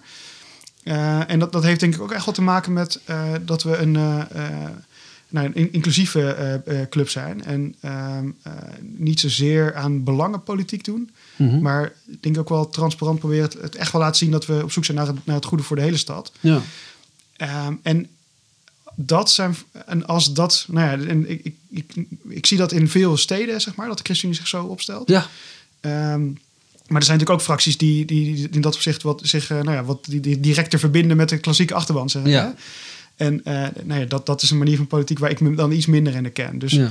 dus ehm, eh, dat is ook wel een, ik denk ook wel spannend hoor voor de ChristenUnie. Dat ehm, eh, ehm, we zijn een heel, nou ja, een samenhorige club waar, waar veel ruimte is ook om wel verschillend te denken. Mhm. En tegelijkertijd zie je dus wel een beetje twee van die bloedgroepen ontstaan. ja. Dus in, nou ja, in, in, in steden waar ook een deel van, eh, van de achterban zich ook steeds meer nou, buiten de christelijke bubbel bevindt. eh, ook wel aanschuurt tegen, tegen partijen die eh, nou ja, niet, niet, niet, niet CDA of SGP, zeg maar, maar veel meer, eigenlijk allerlei andere partijen ook. ja. En waar dat in, in, in meer landelijk gebied toch anders is. En waar de, de ChristenUnie dan echt wel concurreert met SGP en CDA. En toch wat, al- al, nou ja, ook andere belangen eh, eh, belang, eh, eh, hoog in het vaandel heeft, zeg maar. ja. Niet dat we dat helemaal, dat het echt twee verschillende werelden zijn. Maar je ziet er toch dat daar, dat daar net wel een ander DNA eh, te vinden is. Ja. Ja, mijn ervaring zelf is, ik heb een tijd in Utrecht gewoond en daar Ja. bij de VVD betrokken geweest. En daar hoorde je ook veel, als je met iemand goed kan samenwerken, zijn de gasten van de ChristenUnie wel. Eh, hoewel partijprogramma's niet helemaal op één lijn liggen, la- laat dat duidelijk zijn. Ja. Een mooi voorbeeld dat ik vaak aanhaal, en dit, dit is als, als iemand van hun nu meeluistert, zullen ze zeggen, joh, het is iets genuanceerder dan dat. Dus dit, dit is even de one-minute version. Ja, Eh, maar er was op een gegeven moment een, een, een tippelzone die gaf overlast. Eh, en de VVD had zoiets joh, eh, law and order, zeg maar. Dus we gaan dat sluiten, want dat is niet goed. En geen vergunningen en toestanden en de buurt heeft er last van. Eh dus we gaan de token sluiten. Nou, daar moeten we dan een beetje draagvlak voor creëren. En dan zegt de Christi- ChristenUnie van, ja, we willen dat best wel supporten. Maar dan willen we ook zorgen dat er geld is om die vrouwen, met name vrouwen, die daar werken, te begeleiden naar ander werk. Of ze, hè, ze te kunnen ondersteunen, of wat dan ook. En VVD zal eh, van, van nature zeggen, joh, eigen verantwoordelijkheid. Dus dat moeten ze vooral zelf oplossen. ja, En de ChristenUnie zegt dan van, joh, maar wij willen er voor die mensen zijn, want ze worden op deze manier in een zwakke positie gebracht. ja, En de VVD zegt dan, ja, te gek, wij kunnen lekker, zullen zeggen, handhaven en ons ding Precies, doen. ja. En de ChristenUnie kan opkomen voor de mensen die het, die het moeilijk hebben. Uh, perfect samenwerken. En ik hoor het nu in Zwolle hier ook. Ik, bedoel, ik zit hier nog niet zo heel erg in de VVD als ik toen in uh, Utrecht zat. Hoor je ook echt veel positieve verhalen over hoe de ChristenUnie politiek bedrijft. Dat, dat, vind ik wel, uh, dat, dat vind ik echt leuk om te horen. Kijk, dus dat is gaaf. wel mooi. Ja. ja. ja mooi. Hey, en bij, bij ons vorige gesprek, toen, toen op het terrasje een jaar geleden, Ja, um, raakten we volgens mij aan de praat over zo'n vraagstuk als een zondagsrust, zeg maar. Er zullen Ja. denk ik zat uh, landelijke, um, ik moet niet zeggen landelijke, juist lokale, ChristenUnie um, afdelingen zijn die heel erg tegen het openstellen van winkels op zondag zullen zijn. Ja. Kan ik me voorstellen, als het niet zo is, dan hoor ik het graag. Um, ik heb het idee dat het hier in Zwolle al sowieso een stuk minder is. En toen hadden we geloof ik een gesprek over, ja, maar waarom zou je dan de winkels dichtgooien? En er zullen zat ChristenUnie mensen zijn die zeggen, ja, uit onderzoek blijkt dat kleine ondernemers dat eigenlijk niet willen. En Ja. dat is dan de reden dat we de boel dicht houden.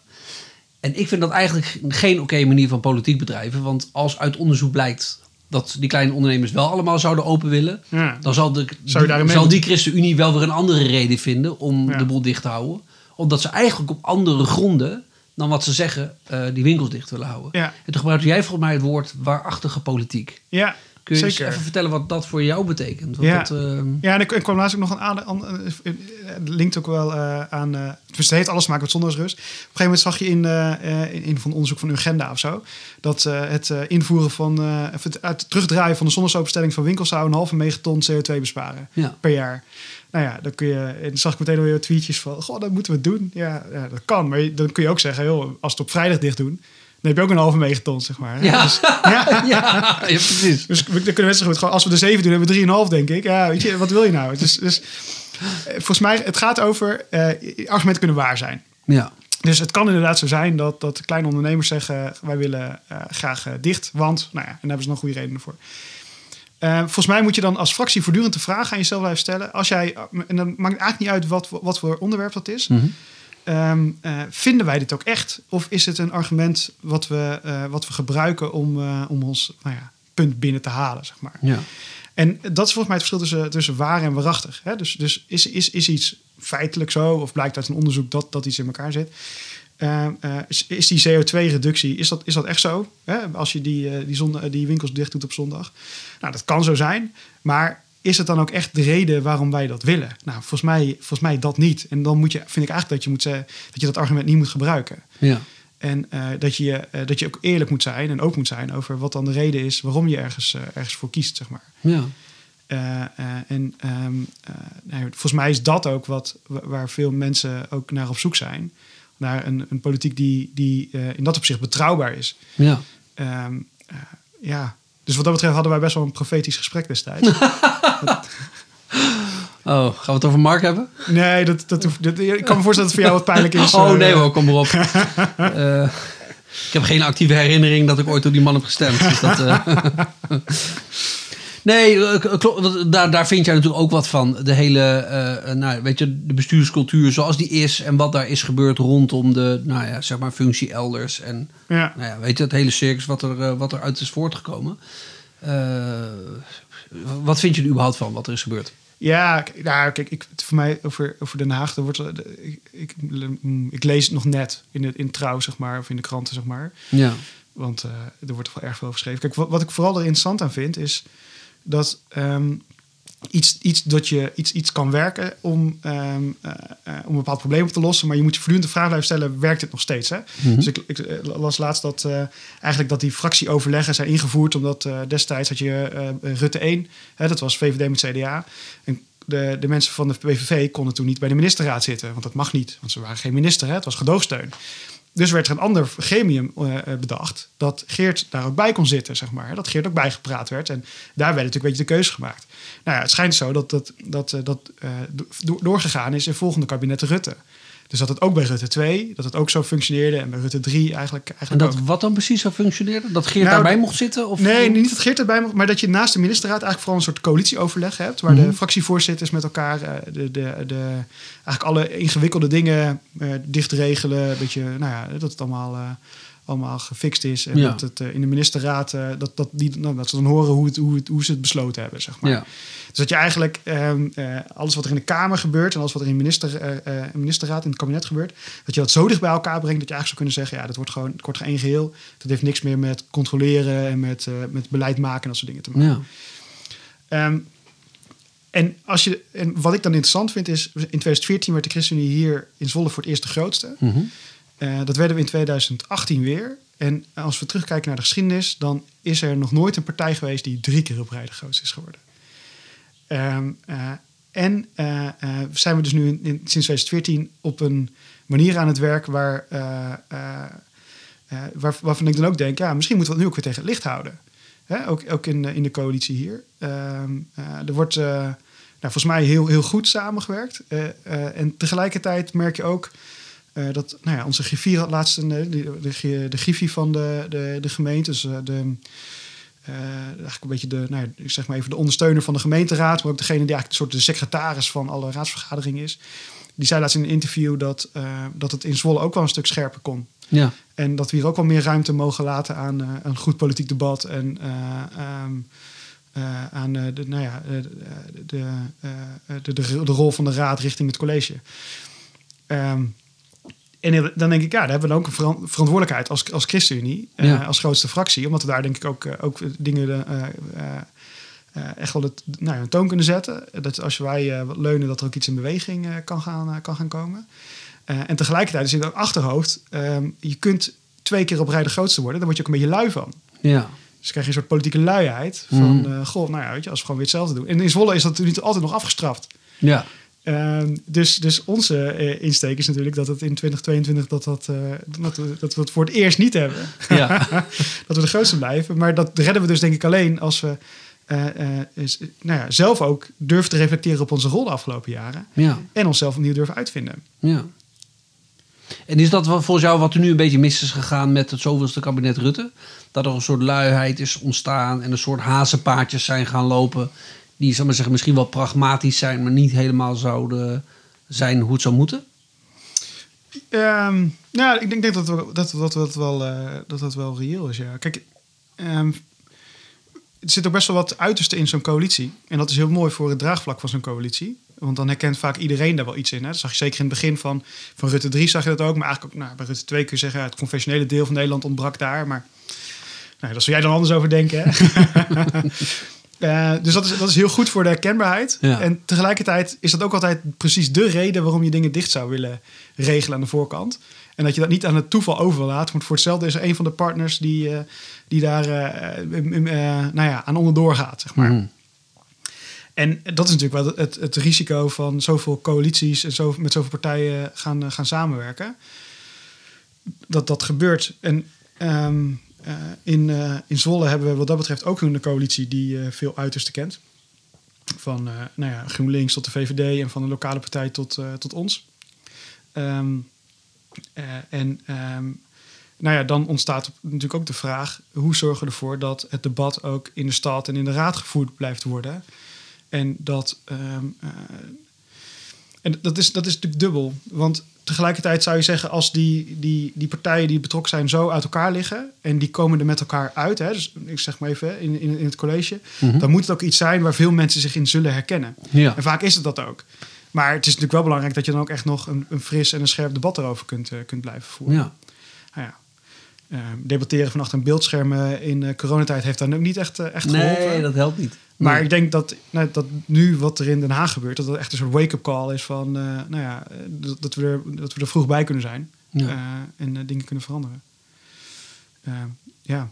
En wat zou er nu moeten gebeuren, gebeuren rondom de, de huidige formatie? Ik geloof dat we inmiddels de vijfde formateur of informateur of wat is het Ja. eh, te pakken hebben. Mariette Hamer, Hamer, ja. ja. precies. Die, ja. die, die weer eh, allemaal kopjes koffie gaat drinken met allerlei mensen. Wat, wat, als, als jij het beetje voor het zeggen zou hebben, wat zou jij willen dat er nu gebeurt? Moet Rutte opbokken, eh, zeggen van die moet dat nog een tijdje blijven doen, maar dan met fris elan? Ik verzin maar wat. wat zeg het is. Ja. Goeie vraag. Ik, ehm, ik, en ik ben ook wel benieuwd wat jij dan denkt wat er moet, eh, dat er moet gaan gebeuren. Kijk, wat, wat We je... hebben nog vijf minuten, dus houd kort. Oh, is het zo? Grapje hoor, nee, we hebben alle tijd. Oh, ik al te zweten. Het, wordt, het wordt ook eh, lekker warm hier. Ehm, heet onder de voeten, hè? Dat soort dingen. Ja, precies. Ehm, ja, kijk, volgens mij... eh, is- is- een politieke cultuur kan niet aan één iemand hangen, zeg maar. Er zijn een paar mensen in de geschiedenis die, waarvan je zegt... Joh, die zijn zo, zo groot en invloedrijk geweest. Nou ja, eh, de Torbekken in Nederland. Dat soort types, zeg maar. Ja. Dan kun je zeggen, ja, deze politieke cultuur komt door één iemand. Ja. Maar volgens mij is het niet logisch om dat van nou ja, een prima premier als Mark Rutte te zeggen. Maar nou ja, wat is de, is de geweldenaar? Nou, Nou. an- andere vraag. Ja. Eh, en, en, en dat zie je in, in allerlei landen. Angela Merkel, dat is wel echt dat soort. Nou, ja, die kun, daarvan kun je zeggen, die Ja, bestuurscultuur Thatcher hangt aan een, aan een persoon. ja. Ja, Thatcher inderdaad. Ja, exact. Misschien eh, eh, eh, FDR in de, in de VS, hè, Roosevelt. Of, maar is ook echt uitzonderlijke types. ja. Dus, dus kun je met of zonder Rutte door? Nou ja, volgens mij hoeft dat niet, niet per se een hele belangrijke vraag te zijn. Waar het volgens mij veel meer over gaat, is hoe kom je bij een, weer bij een kabinet waar heel veel mensen zich in gaan herkennen. En daarom ja, vind ik het ook niet raar dat, eh, dat waar je nu een beetje op voorgesorteerd ziet, dat ook GroenLinks en Partij van de Arbeid gaan praten. Die hebben eh, natuurlijk in 2017 eh, ook een tijdje meegepraat en toen het af laten weten, zeg ik dan maar Ja. even. Ehm, ook gemerkt dat, dat dan een aantal jaar oppositie voeren ook niet, eh, niet, niet winst oplevert bij kiezers, maar ook. ehm, eh, eh, ook ja, dat heeft ook alweer te maken met, met het ware en waarachtig. Ehm, je kunt dan allerlei eh, eh, eh, nou ja, scherpe kritiek leveren op, op beleid dat niet optimaal is. Terwijl je dus weet dat, dat ehm, eh, als. Laat ik zo zeggen. Als, ik, ik, ik denk dat als GroenLinks en Partij van de Arbeid in zo'n nieuw kabinet stappen, dat ze een heleboel, zeker in de huidige situatie, dat ze een heleboel idealen kunnen realiseren. Ja. Dat ze veel meer geld voor klimaatbeleid voor me kunnen, kunnen krijgen dan wanneer ze dat aan andere partijen laten. Ja. En eh, de afgelopen jaren heb je dat ook eigenlijk gezien. Dat zij meer wilden. Terwijl wat ik denk, wat, wat, wat dit voor eh, dit kabinet gedaan heeft, dat het wel een soort maximaal haalbaar is. Als je in een coalitie zit met jouw VVD, het CDA, D66 en de ChristenUnie. Ja. Eh, en zeker als, aangezien die laatste twee ook de, de, kleinere, de twee kleinste partijen daarin, daarin waren, dan is dit wat je krijgt. Ja. Nou ja, vind je klimaat zodanig belangrijk dat je, of gaat het je alleen maar om de electorale winst? Ja. Dat is nu geloof ik de vraag waar GroenLinks en de Partij van de Arbeid voor staan. Ja. En een hele moeilijke vraag ook volgens mij. Ik bedoel, ik ben blij dat die niet eh, op mijn bordje ligt per se. Ja, Weet ja, Ja. de, de kans is gewoon groot voor een GroenLinks als je inderdaad zegt we doen mee. En je komt met een in ogen van de wat hardcore GroenLinks stemmen met een wat waterig beleid aan. Dat je op de kloten krijgt. En dat er vervolgens Ja. een Partij voor de Dieren Zoals of nu. een bijeen of zo, zou ik maar zeggen, als paddenstoelen uit de grond eh, schieten. Ehm, eh, ik, ik vind dat onterecht overigens. Ik heb daar denk ik een veel pragmatische visie op politiek dan, eh, dan een activistische, zeg maar, of een utopische, whatever. Ja, Eh, maar ik, ik, snap, ik snap de terughoudendheid wel daarin, zeg maar. Dat, eh, in dat opzicht vond ik het ook jammer dat GroenLinks er zo langs kreeg. ja, Zeker. Want ze zijn van 12 naar 8 zelfs of zo gegaan. ja 14, Terwijl ik 14 juist. Klaver vond ik wat meer toenaderend Ja, worden. En op een gegeven moment ook, ook, ook een keer in een interview geloof ik, of op tv, ik weet niet precies wat het was, ook zei... We kunnen wel nee blijven stemmen omdat het niet 100% is. We kunnen ook plannen steunen die het in ieder geval beter maken dan het nu is. Ja, maar dat, dat vind Ja. ik wel een mooi uitgangspunt. ja. En, ja, da- da- daar kom je op dat punt. Ja, weet je wel. eh, Maar is dat dan pragmatisch? Want dat vind ik, dat, dat, dat zei je net zo. ja, maar dat betekent, komt gewoon dat ik niet precies weet wat het woord betekent. Het klinkt wel heel ziek. nee, met, maar met pragmatisch bedoel ik, weet je, je moet het ook maar doen met wat er is. Ja, De werkelijkheid zit op een bepaalde manier in elkaar. De situatie is zoals die is. Als je dan plannen kan steunen die bijvoorbeeld meer geld, wat, wat ik meestal de minst interessante nog vind, Hmm. eh, eh, vrij speelt voor de klimaatdoelen. Maar of, of bijvoorbeeld een, een, eh, een vleestaks zou invoeren. Ja. Ik zou dat helemaal prima vinden bijvoorbeeld. Ja. Dat ik denk, joh, als- je dat dan toch voor elkaar kan krijgen, dan, dan doe je dat toch. Even los van je utopische blik op de werkelijkheid. Ja, maar ik vind het juist heel idealistisch eigenlijk. Want als je iets zodanig belangrijk vindt, dat je, dat je het je niet uitmaakt dat het je zetels kan kosten. Maar als je, als je zegt van ja, dit is gewoon waarom wij, politiek, waarom wij überhaupt een politieke partij zijn. Mhm. En dat we misschien afgerekend worden zo dadelijk, ja, dat is dan even zo. Oh, Want het ja. gaat ons om, nou ja, dat grotere doel. Oh ja, Dan vind ik het juist, zou ik het juist heel idealistisch vinden. oh, zo kun je het ook weer zien. Ja, ja, Dus al, he- al Ja. hou je soms in één zetel, boeien. ja. Nou, dat vind ik interessant. Zo had ik er nog niet naar nagekeken. Hmm. Een soort eh, zelfopofferende politiek. Dat Ja. klinkt heel christelijk ook. Ja, absoluut, ja. ja en dan eh, drie dagen na de verkiezingen toch opeens weer... eh, nou, ja. nee, dat, en dat, dat, dat, is, eh, dat is inderdaad ook zo. Misschien is het juist heel idealistisch. En dat zou ik inderdaad wel mooi vinden. ja. Ja, Nou, ik hoop ook dat het, dat, dan, dat het voor hen ook zo gezien dan wordt. ja. als, als iets idealistisch en niet als nou ja, grijpen naar het, naar het plusje. ja. Ja, ik denk ook dat er heel weinig mensen echt voor het plusje de politiek in gaan, eerlijk gezegd. Ik heb ze ben ze in de schoolsraad nog niet tegengekomen. Dat is gewoon een slecht betaalde hondenbaan volgens mij eigenlijk. Ja. Ik bedoel, ja. Je krijgt weinig fanmail, kan ik je verzekeren. ja, dat zal ja. ja. Nee, ik denk dat uh, Sylvana bij TMF een stuk, eh, een stuk leuker baantje had eh, dan dat ze daar nu zit. Dat ja. denk ik ook, ja. Ja. Dat denk ik ook. Ongelooflijk. Ja, en ik ben dus heel benieuwd wat er nu, zou maar zeggen, de, de komende weken nog gaat gebeuren in dat hele formatieproces. Ja, Ik vind het zo onvoorspelbaar. En dat is het misschien altijd geweest hoor. Dat, dat kan ik me nu niet meer terughalen van vier jaar geleden. Dat ik denk, oh my goodness, dan moeten we dus weer uit dat hele conglomeraat aan allerlei partijtjes weer een soort, eh, soort soep zien te koken. Ik eh, ben ook daarvan blij dat het niet mijn baan is, zeg maar, om dat, eh, om dat te regelen. Het lijkt me echt intens complexe materie. ja, Juist ook in deze beladen tijden na, weet je wel, eh, Ja. weet je, na, na acht decennia Rutte en, eh, en de toeslagenaffaire en toestanden. Dan denk ik, oh, ga er maar aan staan. ja, ja.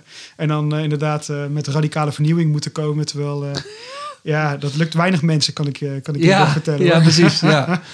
Dat is ook, dat, nou ja, veel in. in ja, je hebt eigenlijk je heeft een soort tijdgeest eigenlijk. Hè? Mhm. Dat heel veel ideeën die, die zie je op een gegeven moment op allerlei plekken oppoppen. En echt, echt, echt originele denkers in Nederland, die, die zie, je toch, zie je toch weinig. ja. Maar dat, dat, is, dat is ook een soort. eh, dat vind ik ook zo interessant bij eh, ook filosofie en theologie. Dat je, eh, als je een eind wegleest, dan zie je dat een bepaalde filosoof en een theoloog separaat van elkaar grofweg hetzelfde idee bedacht hebben, zeg Ja. maar. Hè? In dezelfde periode ongeveer. Ja. Ja, dat is ook een beetje hoe, hoe mensen werken. Hè? Eh, Ja. Groot, echt grote geesten. ja.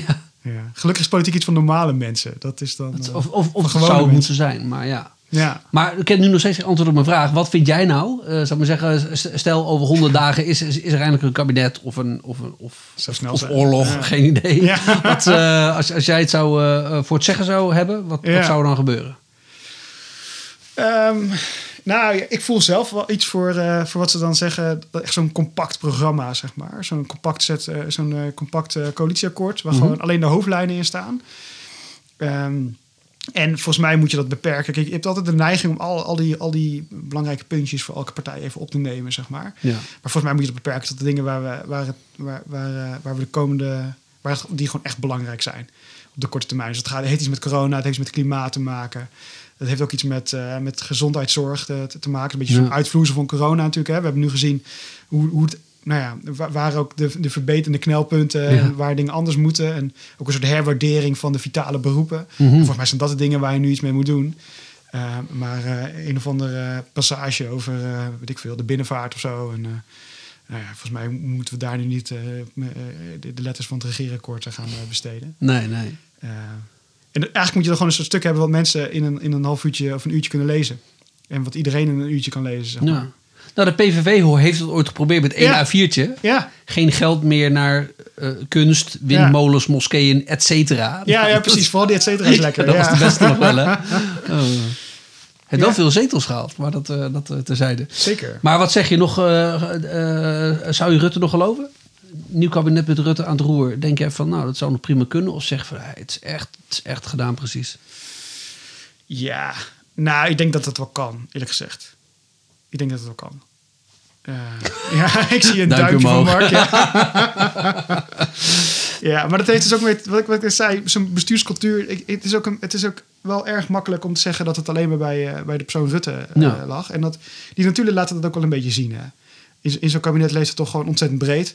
Ik, ik, zal eerlijk zeggen, ik had ook van uh, de, de, mijn eigen bewindspersonen ook wel iets meer uh, moed en, uh, en durf ge, gehoopt. Mm -hmm. Dus ik vond het best wel spannend om dan die avond, zo voor Koningsdag, nog even die, die stukjes, die, die notulen te lezen. Ja. De notulen of de notulen, ik weet niet.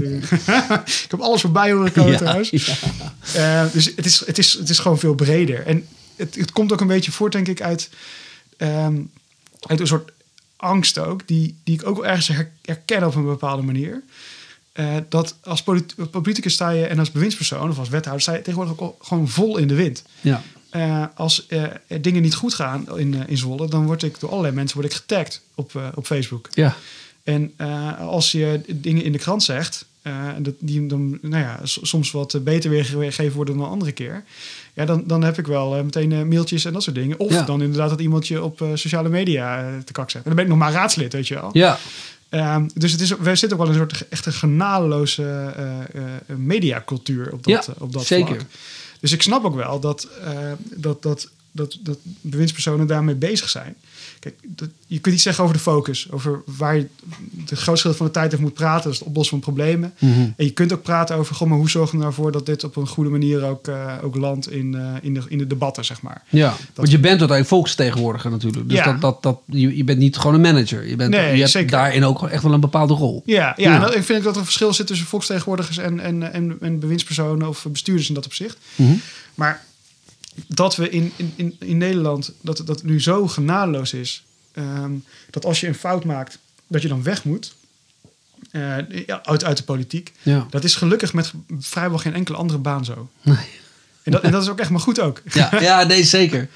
Ja, de, en social media helpt daarin ook niet. Ik, ik zie de dingen die het meest dom zijn, vaak het meest ja. geretweet worden. Voor mij is, kun je daar echt een soort grafiek op loslaten. Dat je denkt, hoe, hoe meer het buiten de boot ja. vliegt, hoe meer reuring het er, er zijn zat mensen, en weet, ik, ben, ik ben geen politicoloog. En weet je, ik, le, ik, ik lees het FD tegenwoordig op zaterdag. Dus wat weet ik nou van politiek? Laten we eerlijk zijn.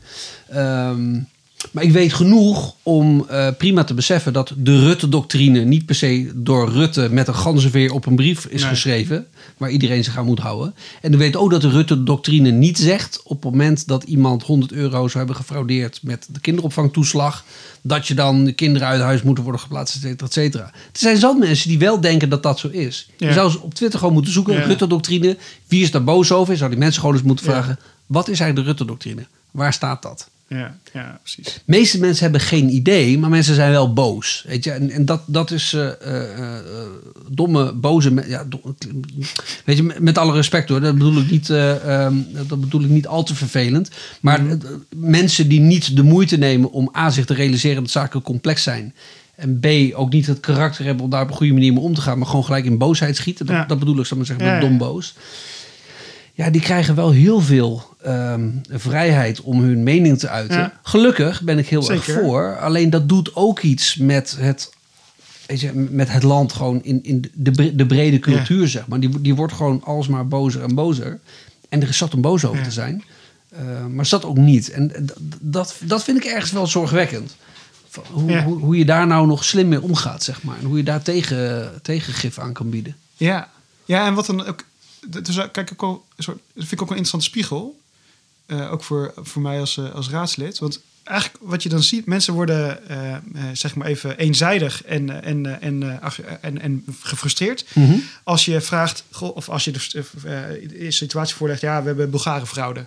Ja, dat kan echt niet, dramatisch. Ja. Of we hebben nou, de toeslagaffaire. Ja, dat kan niet, dramatisch, zeg maar. En allebei is dat zo. Ja. Maar, ehm, en daar krijg je dus ook dat, die, dat, dat opvattingen ook heel plat worden en genadeloos. En dat het ook richting afrekenen gaat. Terwijl je ook allemaal, eh, voor of onderzoek van de TU Delft een tijdje terug. Die hebben zo'n methode ontwikkeld dat mensen waardes gaan evalueren, zeg maar. Dus dat is eigenlijk ook veel meer ge- gevraagd worden een soort afweging te maken van... Goh, maar oké, eh, we kunnen wel meer toezicht houden en strenger zijn. Maar dat kan ook betekenen dat eh, Ja. dat, dat dat ook ongewenst effect heeft. Ehm, dat zie je eigenlijk ook met alles wat met het klimaat ook. Eh, eh, wil je een vleestaks betalen? Nee. Wil je kilometerheffing? Nee. En zo allemaal dingen. Terwijl als je dan de vraag stelt, ja, oké, dit is het doel. En we kunnen dat op een hele relatief nou ja, kostefficiënte manier bereiken dat mensen het mee kunnen maken. Dan kun je aan wat. En, en dan zie je dat mensen een veel genuanceerdere afweging maken. En misschien ook wel uitkomen bij hele, hele effectieve maatregelen. Zoals een vleestaks en zoals een kilometerheffing. Ja, precies. Maar dan worden ze gevraagd om naar het hele plaatje te kijken. Ja. En eigenlijk doen we dat als politici te weinig, omdat ehm, eh, wij dat debat vaak over dat brede plaatje, dat we het A zelf heel weinig voeren. Hè? Dus we hebben in, in Zwolle eigenlijk maar twee momenten in het jaar dat je een debat hebt over de hele gemeentebegroting en alles waar de gemeente mee bezig is. En dat we dat echt alleen maar eh, beperken tot, tot de raad. En voor de rest spreken we over deelonderwerpen Ja. eigenlijk, en dan, je vroeg ook net van, joh, wat zou je dan anders willen? Ja, eh, ik, ik, ehm, ik zou het wel tof vinden als we in Zwolle veel meer met bijvoorbeeld wijkbegrotingen kunnen werken. Waar inwoners uit een wijk eh, eh, ook horen van, joh, weet je, dit is het geld dat we hebben voor openbaar vervoer. Eh, betaalt de provincie, maar even ter, terzijde. ja, hè? Maar ja, sure. dit is voor de openbare ruimte, dit is voor sociale voorzieningen, dit is voor jongerenwerk, dit is voor, nou ja, pff, weet ik veel, de, de prullenbakken, dit is voor de opknap van, van de, de parkeerplaats in het winkelcentrum. Gaan jullie dan nou eens, gooi dat op een hoop en ga het dan met elkaar verdelen. Ja.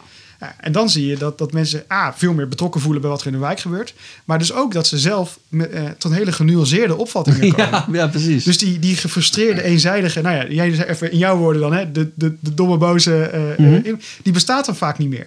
nee. En, eh, maar dat is ook de, de, de vraag zoals we die dan nou, ja, eigenlijk verkeerd stellen, zeg maar. Ja. En nou ja, dat zou iets zijn wat, wat ik in een nieuw verkiezingsprogramma van de ChristenUnie van, eh, eh, voor Zwolle zou willen. Dat we dat met wijkbegrotingen, dat we dat, dat we dat serieus nemen. Oh, dat is wel tof. En dat we daar gewoon mee aan de slag gaan. Ja. Met het gevaar dat er weer te veel fragmenteert. Want je zou ook dan misschien iets moeten doen met hoe verdelen het geld überhaupt over de wijken. Ja, Natuurlijk. precies. Ja, er zijn gewoon een aantal dingen waar de gemeente ook verplicht taken heeft. En, Mhm. en voor, voor bijvoorbeeld gespecialiseerde jeugdzorg, dat is niet iets wat je in de ene wijk wel kunt doen, in de andere wijk eh, niet. Zeg maar. Dat zijn gewoon Ja. dingen die doe je op gemeente. Maar er zijn een heel aantal onderwerpen waar je dat wel gewoon in zo'n Ja. in zo'n wijk neer kunt leggen. Ja.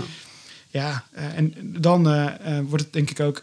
ehm, nou ja, dan raak iets van dat genadeloze kwijt, denk ik. Ja. Omdat mensen ook zelf veel meer invloed kunnen hebben, maar dus ook veel meer zien, veel meer gaan ervaren en ook veel meer veel creatiever na gaan denken over, goh, maar hoe kunnen we dan al die vragen in de wijk oplossen? Ja.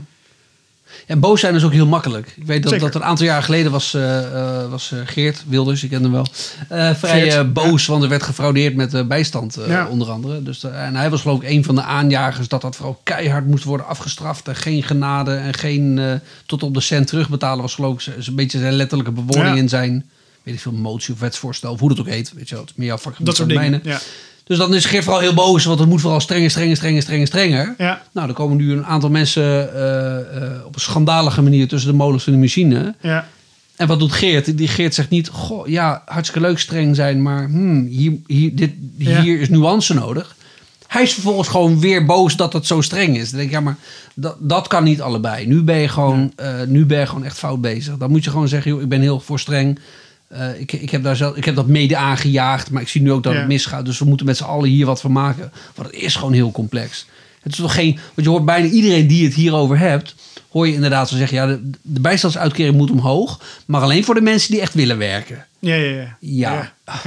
Volgens mij is de moeilijkheid om die er juist uit te halen, weet je wel. En je hebt natuurlijk de mensen die het niet kunnen. En de, de- dus, weet je, het is allemaal heel complex. Dus dan kun je wel zeggen, ja, het, het geld moet omhoog, maar alleen voor de mensen die het echt verdienen. ja. Ja, maar de werkelijkheid is nu, nu juist zo dat dat niet kan. Dus we moeten zo generieke regels maken die op een zo goed mogelijke manier op iedereen van toepassing zijn. Nou, bedenk ze dan zelf maar. Ja. Dat, dat is inderdaad wel echt heel, eh, dat is echt heel ja, lastig. En, en wat je dan ook eh, merkt is dat ook belangrijke waarden zoals rechtsgelijkheid, Mhm. hè, dat we allemaal eigenlijk onder die grondwet allemaal gelijk zijn, dat dat, dat dan toch ook een beetje verwatert, zeg maar. Hè? Want je kunt wel zeggen, eh, ja, de mensen die echt willen werken, maar dan wordt toch een soort subjectieve categorie, Ja, ja, waarbij je een soort oordeel velt over mensen op basis van, ja, waarvan eigenlijk? ja. En dan wel betekent, nou ja, maar als je niet echt wil werken in mijn ogen, dan kom je in dat traject en anders kom je in dat.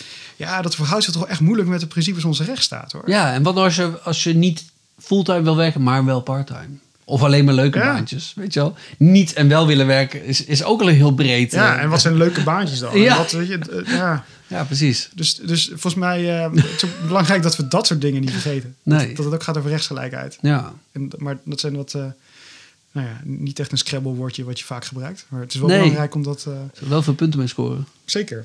Maar nogmaals, eh, nog steeds geen antwoord op mijn vraag. Even de, Nou ja. welke. wel- nee, maar, en ik, ik, ik stel hem ongetwijfeld verkeerd, hè? Dus ik ga ook de vraag over de antwoorden. Ehm ja, eh, Lubbers was dat maar- toch? Maar jij Ja. zegt. eh, is dat zo? Ja, ja. U gaat Oh. over de vraag, ik ga over de antwoorden. Oh, dat vind ik. Oké, Ja. nou, dan heb ik het waarschijnlijk van hem. Eh, prachtig man. Oh, wauw. Ik, ik leer nog eens wat. Toch Toch de CDA in jou?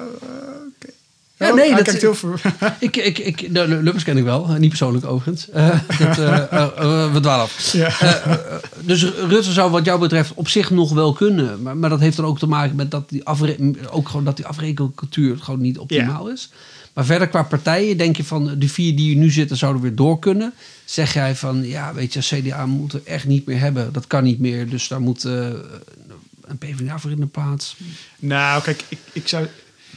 Ehm, volgens mij is het niet voor dan liggend dat de ChristenUnie nu vooraan staat. Zeg maar. Nee. Ehm, het is ook als kleine partij hebben we gewoon. eh, Het, het, het is gewoon echt wel, best wel een hele zware taak om, eh, om verantwoordelijkheid te nemen voor zoveel beleid. Dat op, Mhm. vanuit allerlei hoeken, vanuit dat, eh, dat Rijk eh, en vanuit allerlei departementen naar de Kamer gestuurd wordt. Ja. Ehm, eh, en als je heel reëel kijkt, zijn we nu ook, wat is het, de ne- negende partij van Nederland of zo wat. Ehm, dus ja, volgens mij ligt het voor de hand dat, dat, dat eh, VVD, CDA, D66 en GroenLinks Partij van de Arbeid met elkaar gaan praten. Ja. eh, om te zien of zij eruit kunnen komen. Ja. Ehm, ja, volgens mij is dat logisch. Dat, dat, zou, eh, dat, dat zou ik doen. Ook omdat het nou ja, ook wel die breedte heeft laten zien die je ook denk, nodig hebt na een crisis. Ja. Ehm, dat heb je altijd gezien, hè? dus ook na, na, de, na de Tweede Wereldoorlog. Ander soort crisis. Hè? Dus ik zeg niet dat het hetzelfde Nee. is, maar ehm, eh, eh, als je als er zulke fundamentele problemen in de samenleving aan licht komen, die gaan over die vitale beroepen, over wat voor een ZZP'er met een nul uren contract, wat thuiswerken of quarantaine dan betekent, ten Mhm. opzichte van vaste contracten en, en, eh, en, en, en leuke banen en dat soort dingen.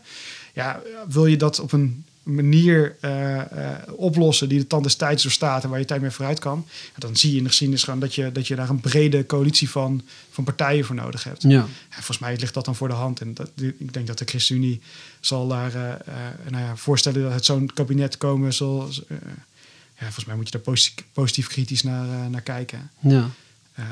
En GroenLinks heeft dan iets van acht zetels in de Eerste Kamer, geloof ik, of zo.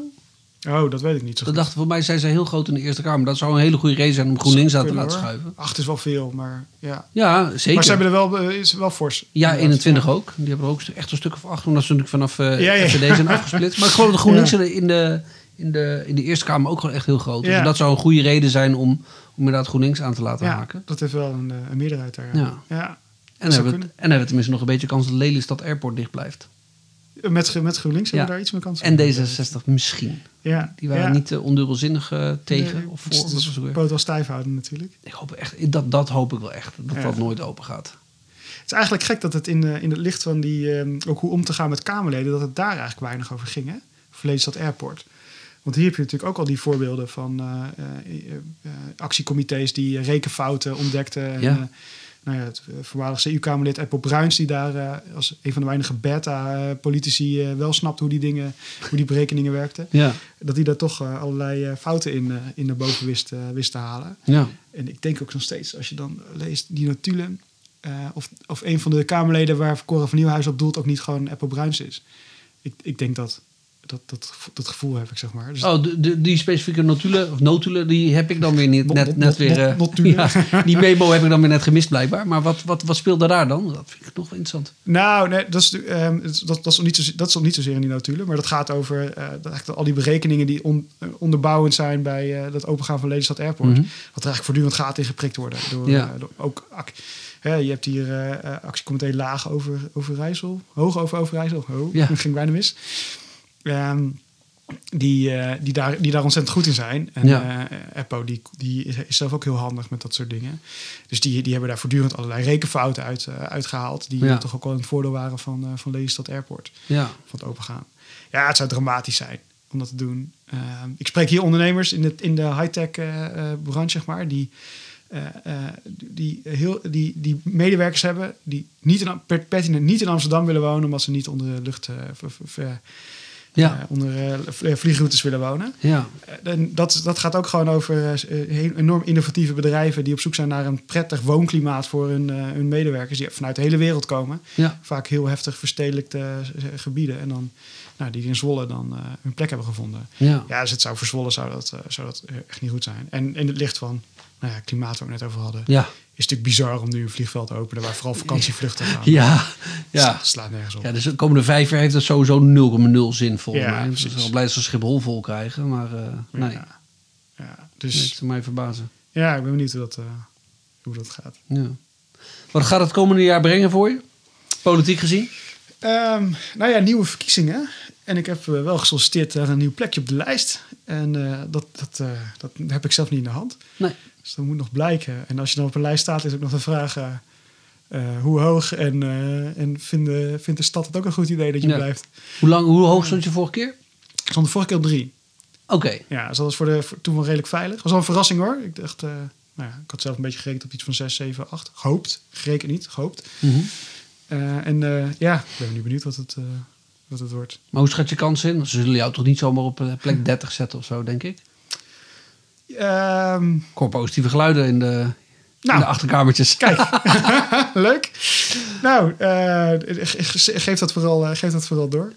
Ja, nee, ja, dat, ik zou, eh, ik, ja, nee, zoiets zou ik wel leuk. Als Je zou, door, je zou door willen. Ja, zeker. Ja. Ja. zou ik heel tof vinden. Ja, absoluut. En, wat, ga- en, en wat ga jij dan brengen, we maar zeggen, ook qua programma of qua standpunten, waardoor mensen op jou moeten gaan stemmen? Nou, Moeten. eh, eh, Mogen. ja, ik, ik, voor mij, eh, eh, mijn hart klopt echt voor alles wat duurzaam is. Ja, En ik denk dat dat, eh, in- de raad wordt het de, de debat vaak heel technisch gevoerd over nou ja, grote windturbines en infrastructuur en dat soort dingen. ja. En dat is heel belangrijk, maar volgens mij is de, is, gaat duurzaamheid verder dan, dan alleen het op, opwekken van schone elektriciteit.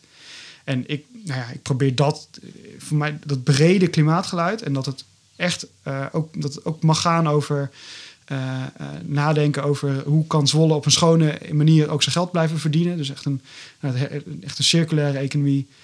Uh, maar dat het, volgens mij moet het ook gaan over toekomst voor het buitengebied. Ja. Waar biodiversiteit en natuur inclusief landbouw hand in hand kunnen gaan.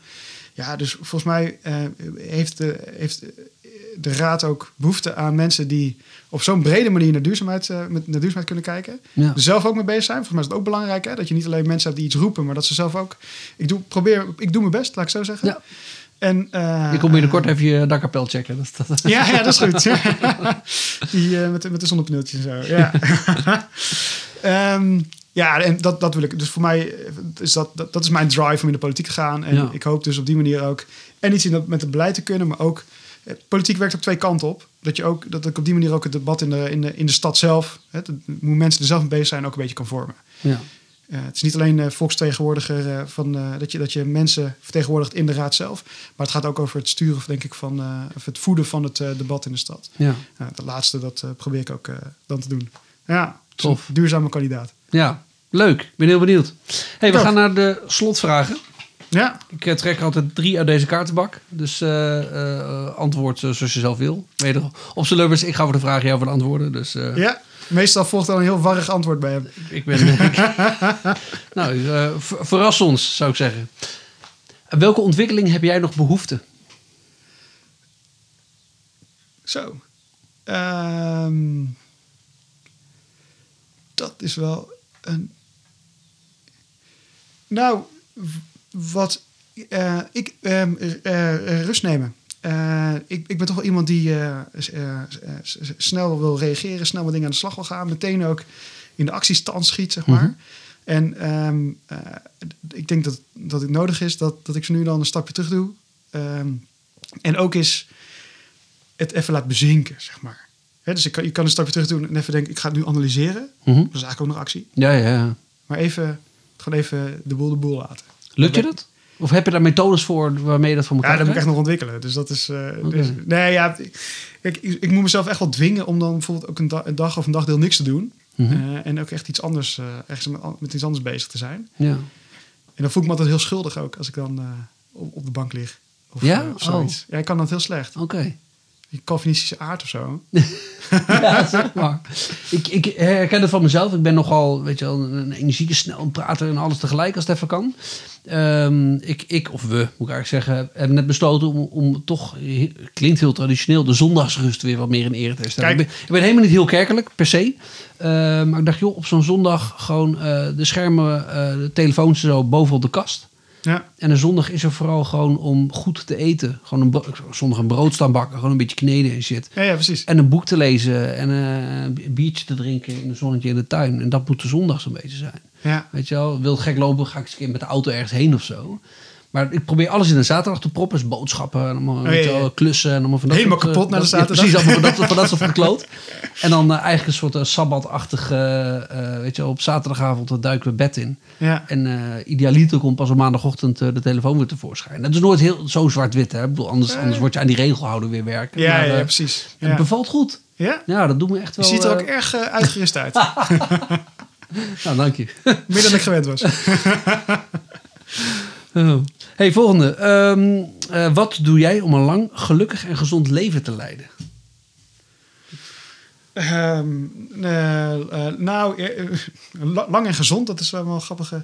Ik, ik wou voor de eerste zeggen, ja, ik sport niet te veel. Dat zorgt ervoor dat ik eh, me niet, zelf niet blaseer en eh, een beetje heel blijf. maar dat gezond is dan weer lastiger. Ja. Ehm, ja, nee, ik, ik, ik doe geloof ik niet zo hele, hele, hele gekke dingen wat dat, eh, wat dat betreft. Ik ben gelukkig met, eh, met, met waar ik mee bezig ben. Dus ik vind het ook superleuk om al mijn vrije tijd in, in, de, in de raad te mogen steken. Ja. En ehm, ja, gezond en, en, en, en lang. Daar ben ik niet heel bewust mee bezig of zo. Het gaat mij altijd een beetje met, met jojo's. Ik heb een paar overhemden en ik weet dat een paar wat kleiner zijn dan de ander. en als die dan op een gegeven moment niet meer dicht past, dan moet, ik, moet het even wat minder. Ja. Tot hij dan weer past. En dan, ja, die kleding, Ja, dat is inderdaad wel een goede graadmeter altijd. ja, Ja. ja, ik, heb dat, eh, ik kan er wel een heel aantal jaar dezelfde overhemden aan. Dus dat, Oké. dat, dat is dan wel weer een goed teken. ja. Ja. Ik ben, eh, ik ben eh, iets meer dan tien jaar geleden getrouwd. Had ik twee mooie overhemden helemaal op laat- maat laten maken. Dus het was perfect. Nou, een, een, ruim jaar geleden, maar zeggen, een beetje na de eerste lockdown, eh, merkte ik dat die bij de buik toch echt niet meer paste. Toen ben ik eh, vanaf het najaar gaan klimmen. Eh, twee, drie Ah, keer per week gaan klimmen. Samen leuk. met mijn dochtertje. En binnenkort gaat mijn zoontje ook mee.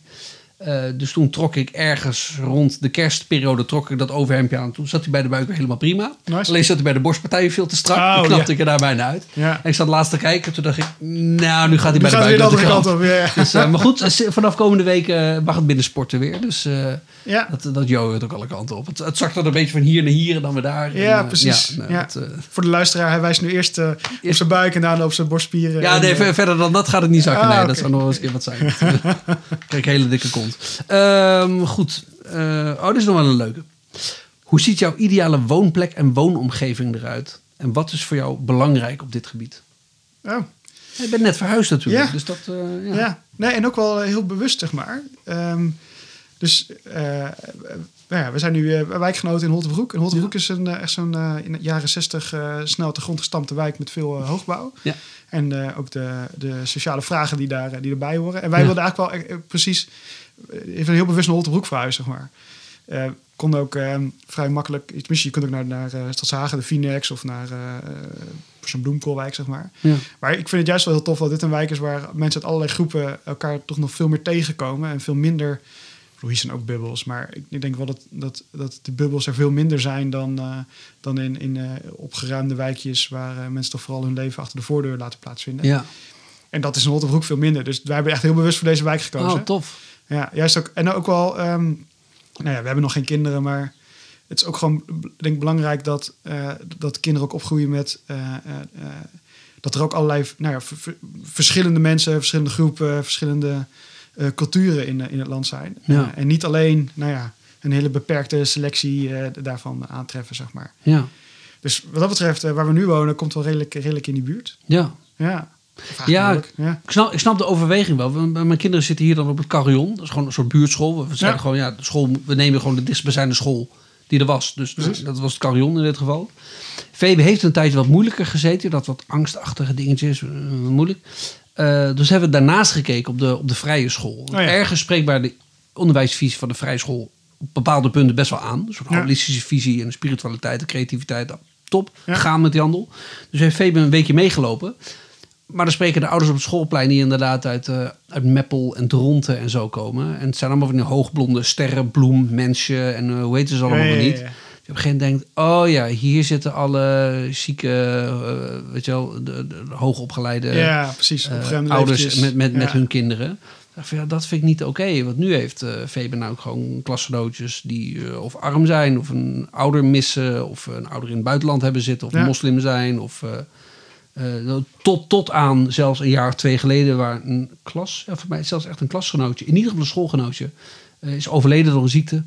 Dan krijg je ook weer van alles mee, weet je. Ja. Dat kan op iedere school gebeuren natuurlijk. Zeker, Hè? Maar ja. ik dacht van, oh, de kinderen krijgen die wel gewoon de rijkheid van het leven en, Ja. en, en, en de mensheid mee. Dus dat, dat vind ik wel dat vind ik mooi. En dat zal je inderdaad in een wijk als deze wat meer hebben dan als zo'n dorp of zo misschien, Ja, om wat te noemen. Zeker, ja, absoluut. En volgens mij is het ook wel. Is het, ehm, eh, het gaat ook over wijken die in, in balans zijn op, een- op een bepaalde manier. En ehm, eh, ik hoor laatst een heel mooi voorbeeld uit eh, de Kampenpoort, ook een wijk in, eh, in Zwolle, waar nou ja, een beetje de Jordaan van Zwolle, zeg maar. Ja. En daar zijn ook een aantal nou ja, mensen die ik via de ChristenUnie ken, zijn daar komen wonen. En zij ontmoeten daar een, een, een, een vrouw die daar al langer in die, in die wijk woont. En nou ja, ook we- weinig eh, netwerk had, op zoek was naar een baan, maar dat ook niet zo goed kon vinden. Maar dus ook zelf ook niet de lijntjes had, zeg maar, om, eh, om zichzelf daarmee verder te helpen. Ja. Dus die nou ja, reageert op vacatures waar iedereen dan op reageert, zeg maar. Ja. En juist de, die mensen die ik, eh nou, die, die kennen ze van mij, die konden hun netwerk. Ze zijn twee hoogopgeleide mensen die in allerlei plekken in, in het land hebben ge- gewoond. Eh, konden zij inzetten om eh, haar aan een, eh, aan een baan te helpen. Eerst aan een stageplek en daarna aan een baan te helpen. Ja. Dus daar zit ook een soort. als je, als je ehm, eh, eh, het ook het geluk hebt dat je een grote netwerk hebt en dat je het ook geen zorgen hoeft te maken over, over je baan en dat soort dingen allemaal. Ja, dat, dat is niet alleen een, een, zegen, maar er zit ook een verantwoordelijkheid zit eraan vast. Ja. Dat, dat je dat ook toegankelijk maakt voor de mensen die daar echt naar staan te snakken. Ja. En dat lukt eigenlijk alleen maar als je bij elkaar in de wijk woont. Ja. Eh, want dan kom je elkaar ook wat informeler en minder gedwongen tegen. En dan, dan, dan ga je elkaar ook herkennen. Dus volgens mij is het, is het ook gewoon... Ja, het hoort bij een, een, iets... Als het gaat om eh, echt verbondenheid. En, maar ook, denk ik, een soort ja, verantwoordelijkheid... die je, die je ook als, als, denk ik, als christen hebt. Eh, breder trouwens hoor. Maar ik denk dat, dat, dat de, hier de roep nog wat explicieter klinkt. Ja. Ja, volgens mij hoort het dan dat je in een wijk als Rotterbroek gaat wonen. Ja. Top. Fijn om als buurman te hebben. Leuk. Tot op Eh, de buurtbarbecue. Ja, ja, zeker. Gaan we regelen. En anders eh, in ieder geval op korte termijn een keer een biertje. Zeker. Hey, het is goed te spreken. Ehm, succes met de voorbereiding voor de aankomende verkiezingen. Dankjewel. Eh, en eh, we spreken elkaar eh, gauw weer. Want we Absoluut. wonen bij elkaar om de hoek. Zeker. Tot in de supermarkt.